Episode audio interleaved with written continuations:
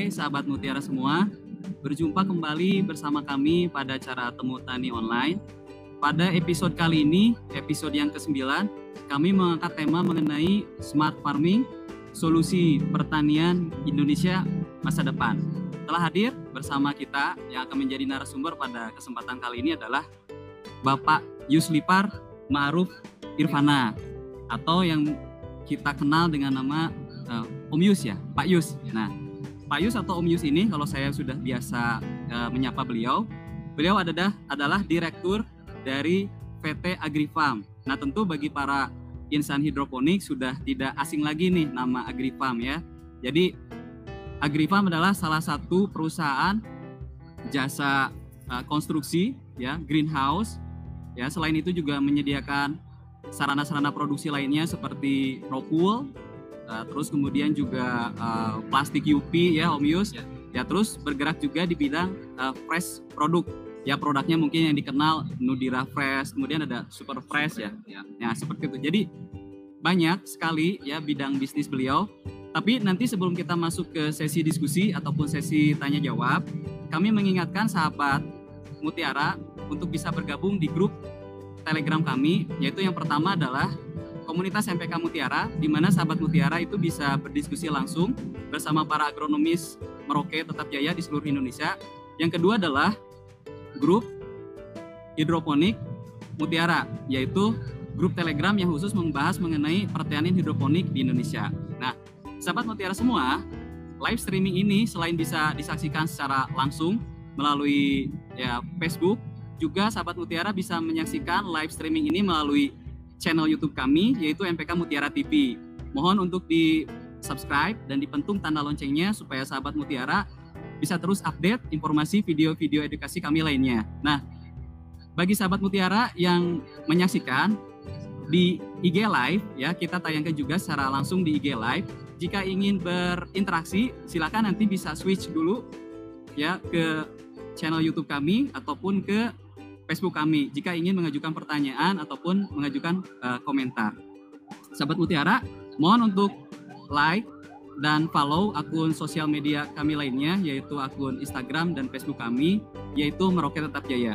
Nah, bagi sahabat Mutiara yang ingin berkomentar ataupun ingin mengajukan pertanyaan, silakan nanti tulis ya, komentar ataupun pertanyaannya nanti tulis di kolom komentar. Oke, kita tidak usah panjang-panjang di pembukaan. Kita langsung saja saja sapa Om Yus. Gimana kabarnya Om Yus? Apa kabar Kang Garis? Oh, sehat. Nah, salam sahabat Mutiara semuanya. ya. ya.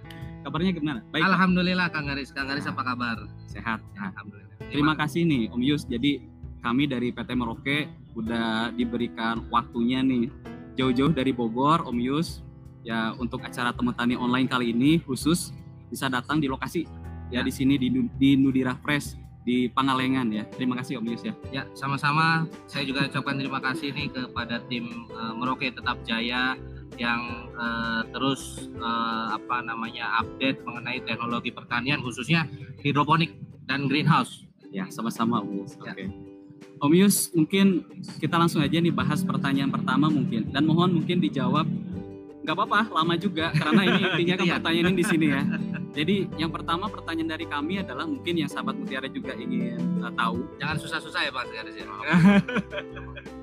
pertama adalah apa itu smart farming gitu kan? Dengan ya. tema kali ini itu smart farming apa? Kemudian mengapa harus ada smart farming gitu? Tentu ya. kalau kita hubungkan dengan kondisi ya kita ngomong smart farming ini kita mengkerucutnya di greenhouse lah, di teknologi greenhouse. Nah, kira-kira Om Yus bisa jelaskan, nggak apa-apa sedikit panjang lebar juga, yang penting nanti sahabat Mutiara itu bisa jelas. Ya, oke. Okay.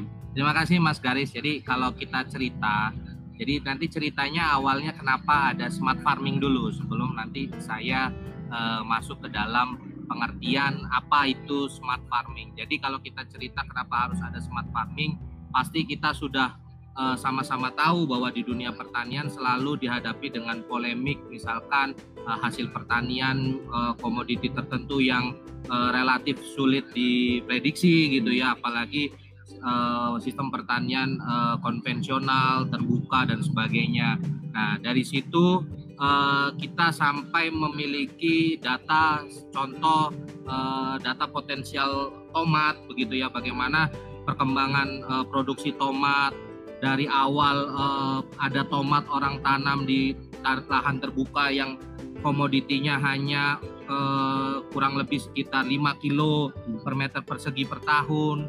Lalu berkembang teknologi greenhouse uh, yang uh, kita sebut mungkin polyhouse ya yang beratap plastik berdinding screen. Sampai akhirnya nanti ada teknologi uh, smart uh, farming khususnya di uh, teknologi smart greenhouse. Nah, hmm. di mana potensi uh, tanaman akhirnya meningkat. Nah, di situ kenapa harus ada uh, istilahnya uh, smart farming khususnya di smart greenhouse. Jadi konsep smart farming, smart greenhouse ini sangat akan membantu petani atau pebisnis uh, hortikultura atau tanaman uh, sayur untuk bisa uh, memprediksi potensi hasil tanaman sehingga ke depan pertanian kita salah satunya adalah bisa eh, dibuatkan visibilitas stadinya gitu loh. Atau bahkan muluknya gitu ya bisa bankable lah bisa dipertanggungjawabkan secara investasi. Nah ke depan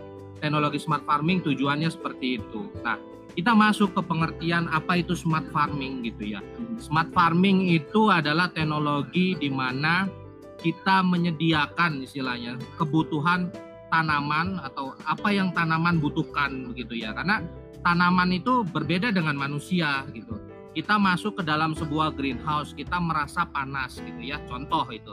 Nah tetapi tanaman belum tentu merasakan yang sama dengan apa yang dirasakan oleh manusia gitu. Jadi tanaman membutuhkan frekuensi tertentu membutuhkan settingan tertentu di situ semua parameter kita atur. Mulai dari parameter suhu kelembaban, light intensity, cahaya yang masuk ke dalam greenhouse, kadar CO2. Nah, seperti itu. Jadi uh, smart farming adalah memang di mana kondisi uh, tempat menanam atau greenhouse itu seperti bintang 5. Jadi hmm. seolah-olah sayuran itu uh, apa ya? Dimanja. Dimanja. Nah, itu. Jadi dimanja sehingga apa yang kita inginkan dari si sayuran tersebut sayuran bisa memberikan ke kita. Tapi kalau tanaman dikasih stressing, ya boro-boro lah gitu ya untuk bisa menghasilkan produksi yang tinggi ya itu tidak memungkinkan gitu. Nah, uh, smart farming khususnya smart greenhouse ini kalau kami agrifarm gitu ya, uh, kita memiliki beberapa kriteria atau ada beberapa komponen yang masuk di dalamnya. Nah, jadi biar nanti tidak dianggap bahwa oh smart farming sampai sebatas itu gitu karena masih banyak persepsi gitu ya smart farming asal muncul di Android udah smart pokoknya nah itu itu jadi, smartphone pak ah, smartphone ya jadi gitu jadi uh, smart farming itu komponennya yang seperti apa nah komponen-komponen smart farming pertama adalah gitu ya bagaimana kita memiliki total kontrol terhadap uh, greenhouse yang kita miliki. Hmm. Dalam artian total kontrol adalah apa? Baik kita di site, di lokasi kebun, maupun kita di mana pun, kita masih bisa memiliki kontrol terhadap kebun kita. Bisa lihat CCTV, bisa kadang kipas misalkan contoh yang di belakang kita, kipasnya kita nyalakan dari jauh, seperti itu irigasinya, pH-nya, EC-nya, kita setting, kita atur dari Mas Garis misalkan lagi liburan di Bali gitu ya, lihat ke kebun lah kita kontrol nah. Ya. Total kontrol itulah yang bisa kita bilang smart farming. Nah, itu salah satu komponennya. Komponen kedua adalah dari dari smart farming adalah eh, apa namanya? alarm. Jadi farm talk to us jadi istilahnya kebun itu yang berbicara ke kita. Ya. Kebun yang menyampaikan ke kita, ada hmm. apa sih yang terjadi di kebun? Hmm. Apa pompanya mati gitu ya? Apa mereka ternyata kekurangan EC hmm. atau pH-nya terjadi swing? Nah, ya. informasi-informasi seperti itu terjadi feedback ke kita sebagai pemilik kebun gitu. Hmm. Artinya berupa alarm, berupa message, SMS bahwa terjadi error sekian. Nah, itu yang kita lakukan. Hmm. Jadi sudah sampai seperti itu. Nah, yang ketiga adalah komponennya yaitu adalah total configuration. Jadi artinya apa? Smart farming yang kita miliki benar-benar kita kendalikan, kita setting baik tadi seperti di awal saya bilang mau di site mau di uh, mana pun benar-benar kita melakukan uh, setting sendiri berdasarkan uh, ilmu pengetahuan uh, budidaya yang kita miliki. Hmm. Nah, komponen yang keempat yang tidak kalah uh, pentingnya adalah smart farming. Ini adalah collection data. Jadi kita merecord semua data yang terjadi di dalam uh, greenhouse, baik kelembaban, suhu, light intensity, ya, uh, eh, CO2, pH-nya, terus uh, eh, EC-nya, hmm. sehingga data-data tersebut bisa kita gunakan dalam satu jangkauan waktu sebagai data prediksi potensial selanjutnya hmm. gitu. Misalkan tahun ini dengan data tersebut hmm. kita menghasilkan potensi 6 ton per bulan. Nah, hmm. pada saat kita ingin menaikkan menjadi 8 ton per bulan, nah apa saja yang disiapkan dari data-data tersebut. Nah, hmm. mungkin nah itulah yang kita anggap smart farming. Jadi smart farming bukan hanya istilahnya eh, tampilan-tampilan yang hanya eh, monitoring di smart eh, phone. Nah, itu dia jadi bukan smartphone gitu kan? Ya, ya, ya. Jadi benar-benar ini ini konsep uh, smart farming di mana teknologi yang membantu petani untuk menjalankan uh, bisnisnya. Seperti itu, Mas Garis mungkin. Oke. Ya mungkin sahabat mutiara mungkin tadi kita garis bawahi ya banyak sekali eh, faktor-faktor yang harus diperhatikan. Nah, tadi Om Yus kan menyinggung nih sebagian nih yang mungkin yang perlu di lebih detail adalah gini Om Yus, ya kita tahu lah kalau di lapangan ini ya, kita lihat teknologi yang sudah adalah berkembangnya ya. di masyarakat. Ya bukan berarti bermaksud mendiskreditkan maksudnya kebun-kebun yang sudah berdiri atau apa.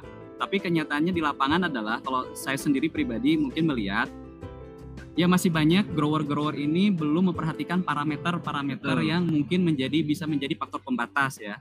Jadi mungkin kalau di Indonesia yang fungsi greenhouse itu hanya mengerucut ke yang penting satu tidak kena hujan. Ya.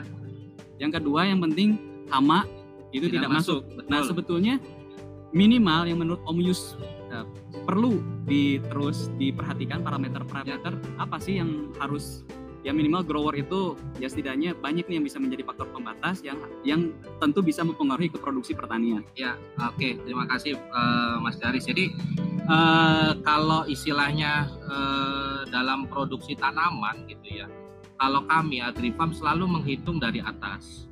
Kita breakdown berapa sih total target yang mau kita butuhkan. Nah, dari situ nanti kita bisa breakdown kebutuhan tanaman tuh apa saja sehingga nanti diperinci gitu. Kalau misalkan ya, kalau saya diskusi dengan Pak Catur, halo Pak Catur, nah itu kita kebetulan eh, satu frekuensi gitu ya. Uh, Pak Catur tuh suhu saya itu. Nah, jadi gini, eh, apa namanya? Contoh adalah eh, lead intensity, energi yang dipakai tanaman untuk misalkan tumbuh. Nah, di situ kita harus jadi greenhouse ini bukan hanya sekedar tadi yang mesti uh, Om Garis bilang hmm. hanya terhindar dari hujan, hama nggak masuk gitu ya. Padahal pada saat pembentukan tanaman, nah tanaman itu membentukkan energi. Salah satu energinya adalah matahari gitu. Nah, bagaimana ceritanya kalau ternyata source atau sumber mataharinya berkurang misalkan mendung. Nah, di situlah smart farming atau greenhouse eh, akan berguna. Misalkan kita tambahkan lampu eh, tambahan artificial lighting seperti itu. Itu baru dari segi pencahayaan yang menunjang dengan eh, pertumbuhan. Kedua suhu ya.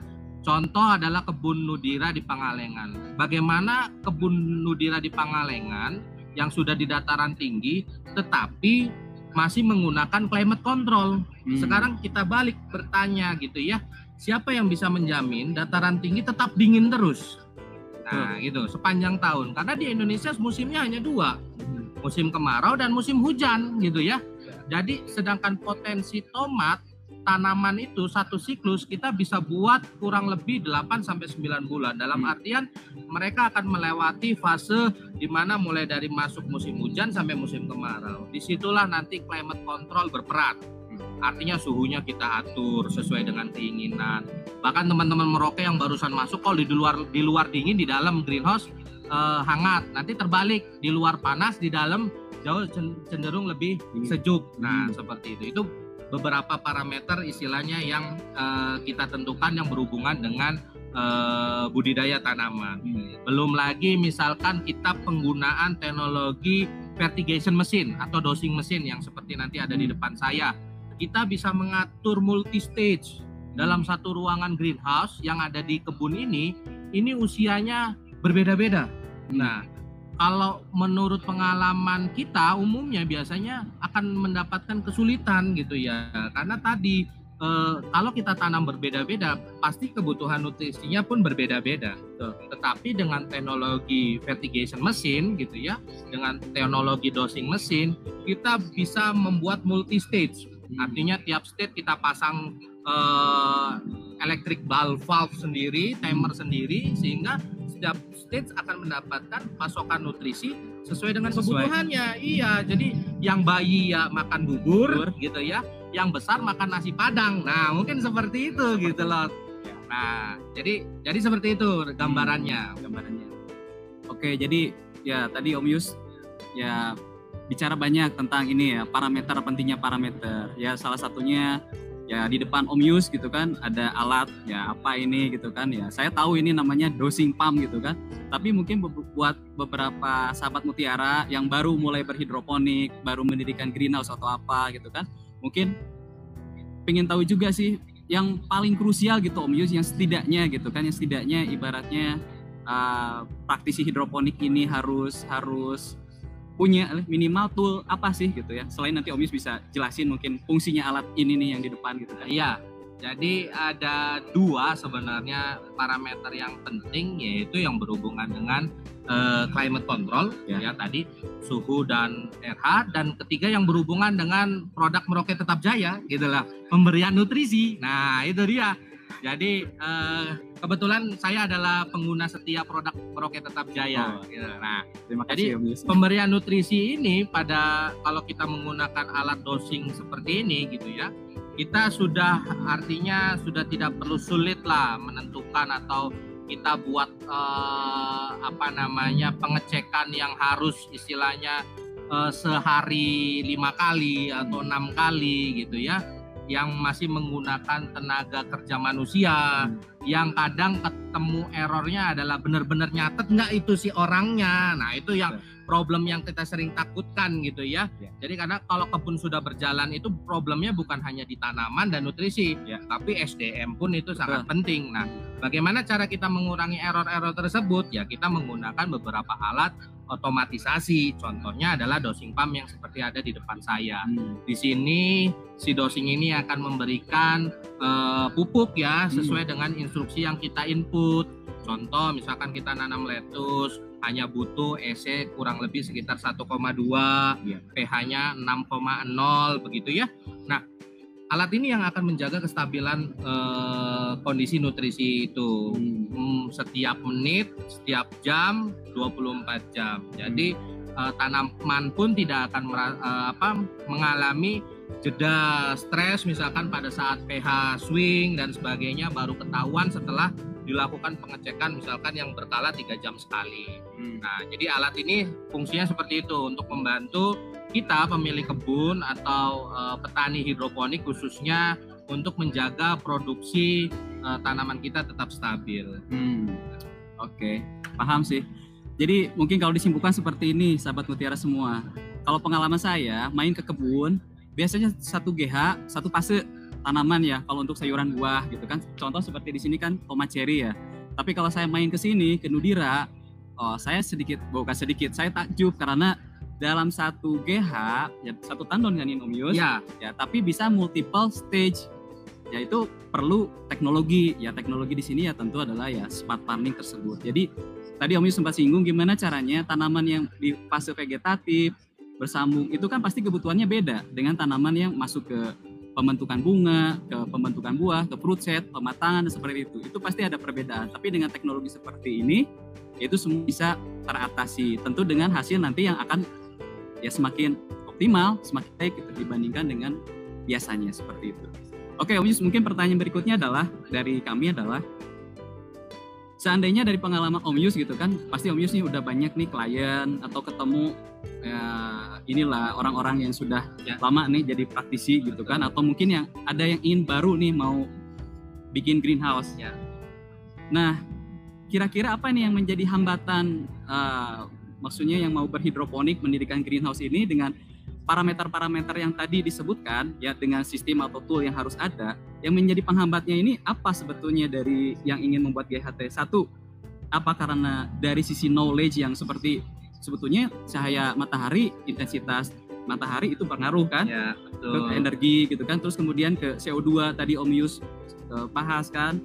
Terus suhu air suhu udara apakah dari sisi knowledge mereka yang belum memang ngerti atau apakah dari mungkin dalam tanda kutip ya bukan mendiskreditkan dari sisi kapital atau modal gitu yang jadi penghambat Ya, jadi memang teknologi eh, smart farming khususnya smart greenhouse ini memang istilahnya di Indonesia eh, belum terlalu populer gitu ya, masih banyak keterbatasan eh, dari klien atau calon investor untuk memulai smart greenhouse atau smart farming ini. Nah, beberapa alasan yang tadi disebut Hmm. oleh Mas Garis gitu ya, ya memang itu adalah beberapa alasan yang eh, sering kita terima. Satu orang itu memang belum memiliki knowledge eh, Hmm. tentang greenhouse. Padahal ya teknologi ini adalah teknologi di mana teknologi ini bisa kita copy paste. Hmm. Kita memulai teknologi ini bukan hasil trial langsung buat di Pangalengan seperti ini, bukan.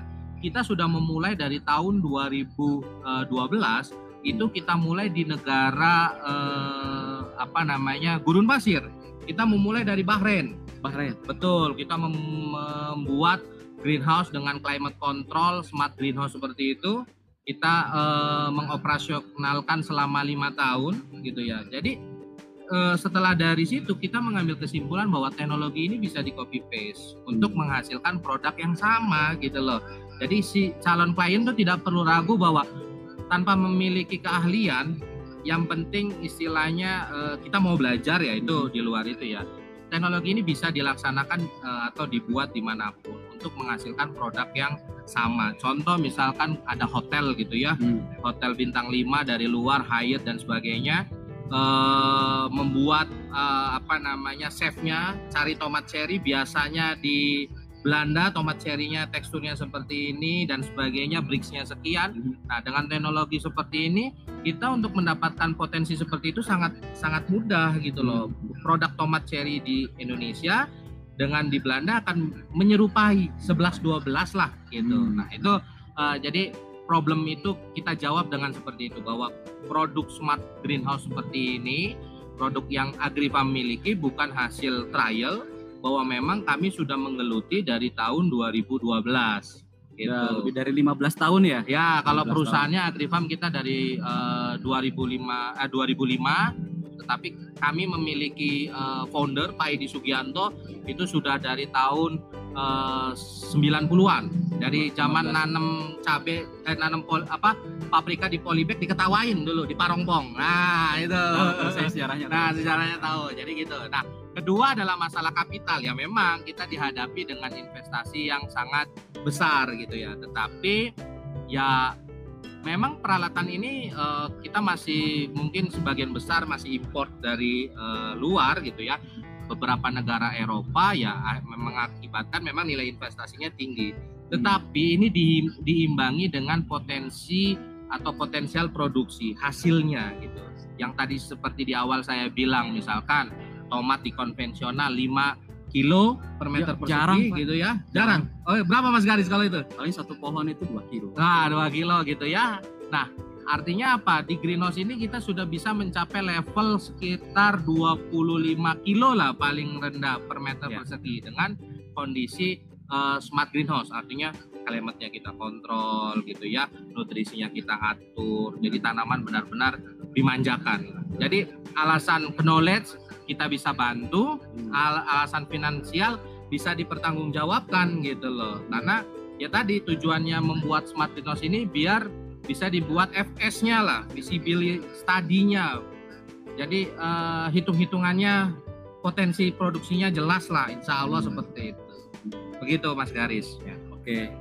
Ya, itu gambarannya sahabat Mutiara semua. Nah, mungkin Om Yus nih uh, kami ingin bertanya nih dari pengalaman Om Yus ya sebagai ya menerima jasa ini kan konstruksi greenhouse. Ya. Ini kliennya pasti udah banyak nih kan? Alhamdulillah banyak. Nah, ini saya pengen tanya nih lebih banyak bikin sistem untuk sayuran daun kah atau lebih banyak sistem yang untuk ya banyak yang mau nanam ini yang ke sayuran buah? Ya, jadi sekarang sekarang ini sekarang sekarang ya. Jadi selama Agri Farm berjalan 15 tahun uh, bisa dibilang ya 50-50 lah ya, 50-50 karena memang kedua komoditi itu adalah Eh, komoditi yang uh, potensial ya, yang punya nilai ekonomis tinggi gitu, sayuran daun maupun sayuran buah. Kalau sedikit bercerita mengenai bisnisnya nih ya, di luar smart farming lah kalau kita cerita bisnis, uh, kenapa sayuran daun dan sayuran buah? Nah itu kita kembali lagi ke nilai uh, economic scale-nya. Apa sih skala yang ekonomis? Nah itu uh, sekarang mulai banyak kebun-kebun uh, sayuran daun di perkotaan gitu. Urban farming. Ya? Urban ya? farming gitu ya.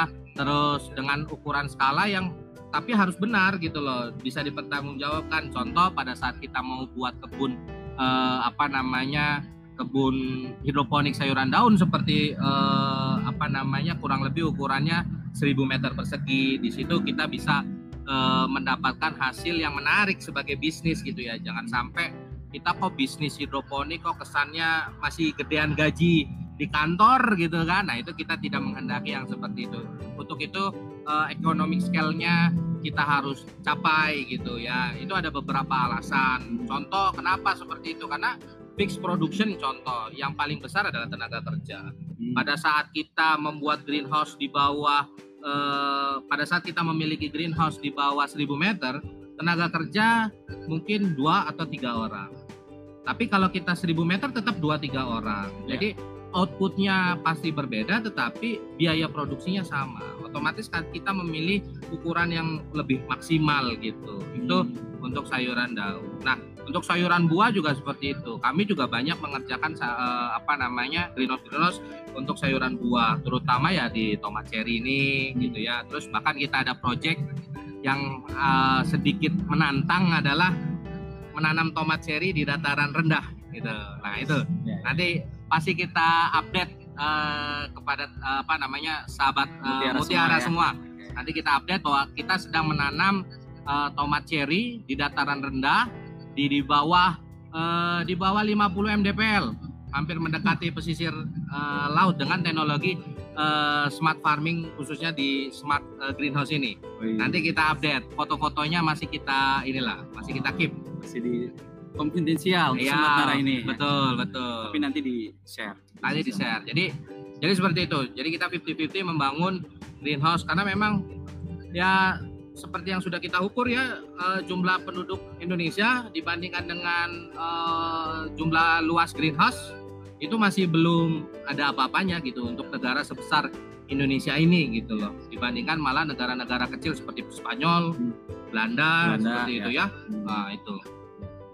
Berarti kalau tadi dari penjabaran Om Yus nih kira-kira bisa menjabarkan seperti apa nih Om Yus? Bisa kalau dari sisi tenaga kerja lah dengan menerapkan smart farming berarti dari efisiensi tenaga kerja ini bisa berapa persen nih ada efisiensinya? Ya, sekarang kalau misalkan contoh ya kalau uh, sayuran daun dengan metode konvensional misalkan hidroponik yang basic lah ya saya sebut harus mengukur SCPH artinya di situ saja sudah satu orang gitu ya. Betul betul. Nah dengan konsep uh, apa namanya dosing ini orang yang mencatat sudah hilang gitu ya. Entah ke mana itu. Entah dijadikan tukang packing atau apa gitu ya uh, contoh di greenhouse kami yang luasannya 3000 meter persegi ini di Nudira Fresh ini ini tenaga kerjanya hanya eh, lima orang. Lima orang. Sudah meliputi semuanya, mulai dari uh, pembibitan, nursery, terus perawatan, rompes, wiwil, terus uh, perebahan dan sebagainya, sampai panen, sampai packaging. Hmm. Gitu, bayangkan. Coba kalau di greenhouse lain kan packing house-nya orangnya sendiri, hmm. gitu ya. ya. Yang karena di sini kan udah nggak nyiram nyiram lagi, nggak ada yang nyalain tombol on off dan sebagainya, sudah otomatisasi seperti itu. Jadi di greenhouse biasa aja sebetulnya tenaga kerja yang dilibatkan udah lebih sedikit dibandingkan yang konvensional. Nah, apalagi kalau ini smart farming itu efisiensinya tentu jauh lebih besar. Karena kita tahu Om Yus di lapangan untuk cari orang mau kerja, sekarang cari buruh untuk kerja itu udah sulit. Betul. Udah sulit. Jadi ya smart farming itu bisa menjadi solusi gitu ke depannya, sahabat mutiara semua. Nah Om Yus mungkin kami juga ingin uh, bertanya, kalau prospek ya misalnya smart farming nih ke depan gitu kan atau hidroponik ke depan greenhouse ke depan ini seperti apa menurut gambaran Om Yus? Jadi sesuai judul hidroponik adalah teknologi apa uh, teknologi solusi, solusi uh, ya solusi uh, teknolo, uh, solusi pertanian masa depan gitu ya. Yeah. Any plan, anywhere, uh, anytime gitu ya. Yeah. Jadi uh, ke depan kami optimis seperti uh, yang sudah terjadi dengan kondisi uh, pandemi, gitu ya. pandemi seperti ini bahwa ternyata demandnya sangat tinggi yang berhubungan dengan food, sayuran, makanan sehat jadi kami optimis ke depan eh, apa namanya teknologi smart farming khususnya di smart greenhouse ini akan berkembang, akan mendekati market. Kita akan buat greenhouse eh, sedekat mungkin dengan eh, tujuan marketnya. Bahkan next project dari kami kita sebutnya greenhouse is blue. Bukan bukan greenhouse lagi. Bukan greenhouse lagi gitu. Jadi uh, kita nanti tunggu sesi uh, kedua ya kalau sudah ini. Boleh. Yang di sana udah jadi udah jadi gitu. Ya nanti tinggal kontak-kontak aja. Siap. Oke Om Yus mungkin uh, sahabat Mutiara semua kita break dulu sebentar. Nanti kami kembali di sesi berikutnya adalah di sesi tanya jawab. Jadi bagi para eh, sahabat Mutiara semua yang saat ini sekarang sedang menyaksikan, ya mohon untuk tulis komentar ataupun tulis pertanyaannya silakan di kolom komentar. Nah, bagi sahabat Mutiara yang saat ini sedang menyaksikan di IG Live, mohon jika ini interaksi lebih lanjut bisa switch dulu, pindah dulu sementara ke channel YouTube kami MPK Mutiara TV ataupun di live streaming Facebook kami eh, Facebook Meroket Tetap Jaya. Oke, kita kembali sudah berikut ini.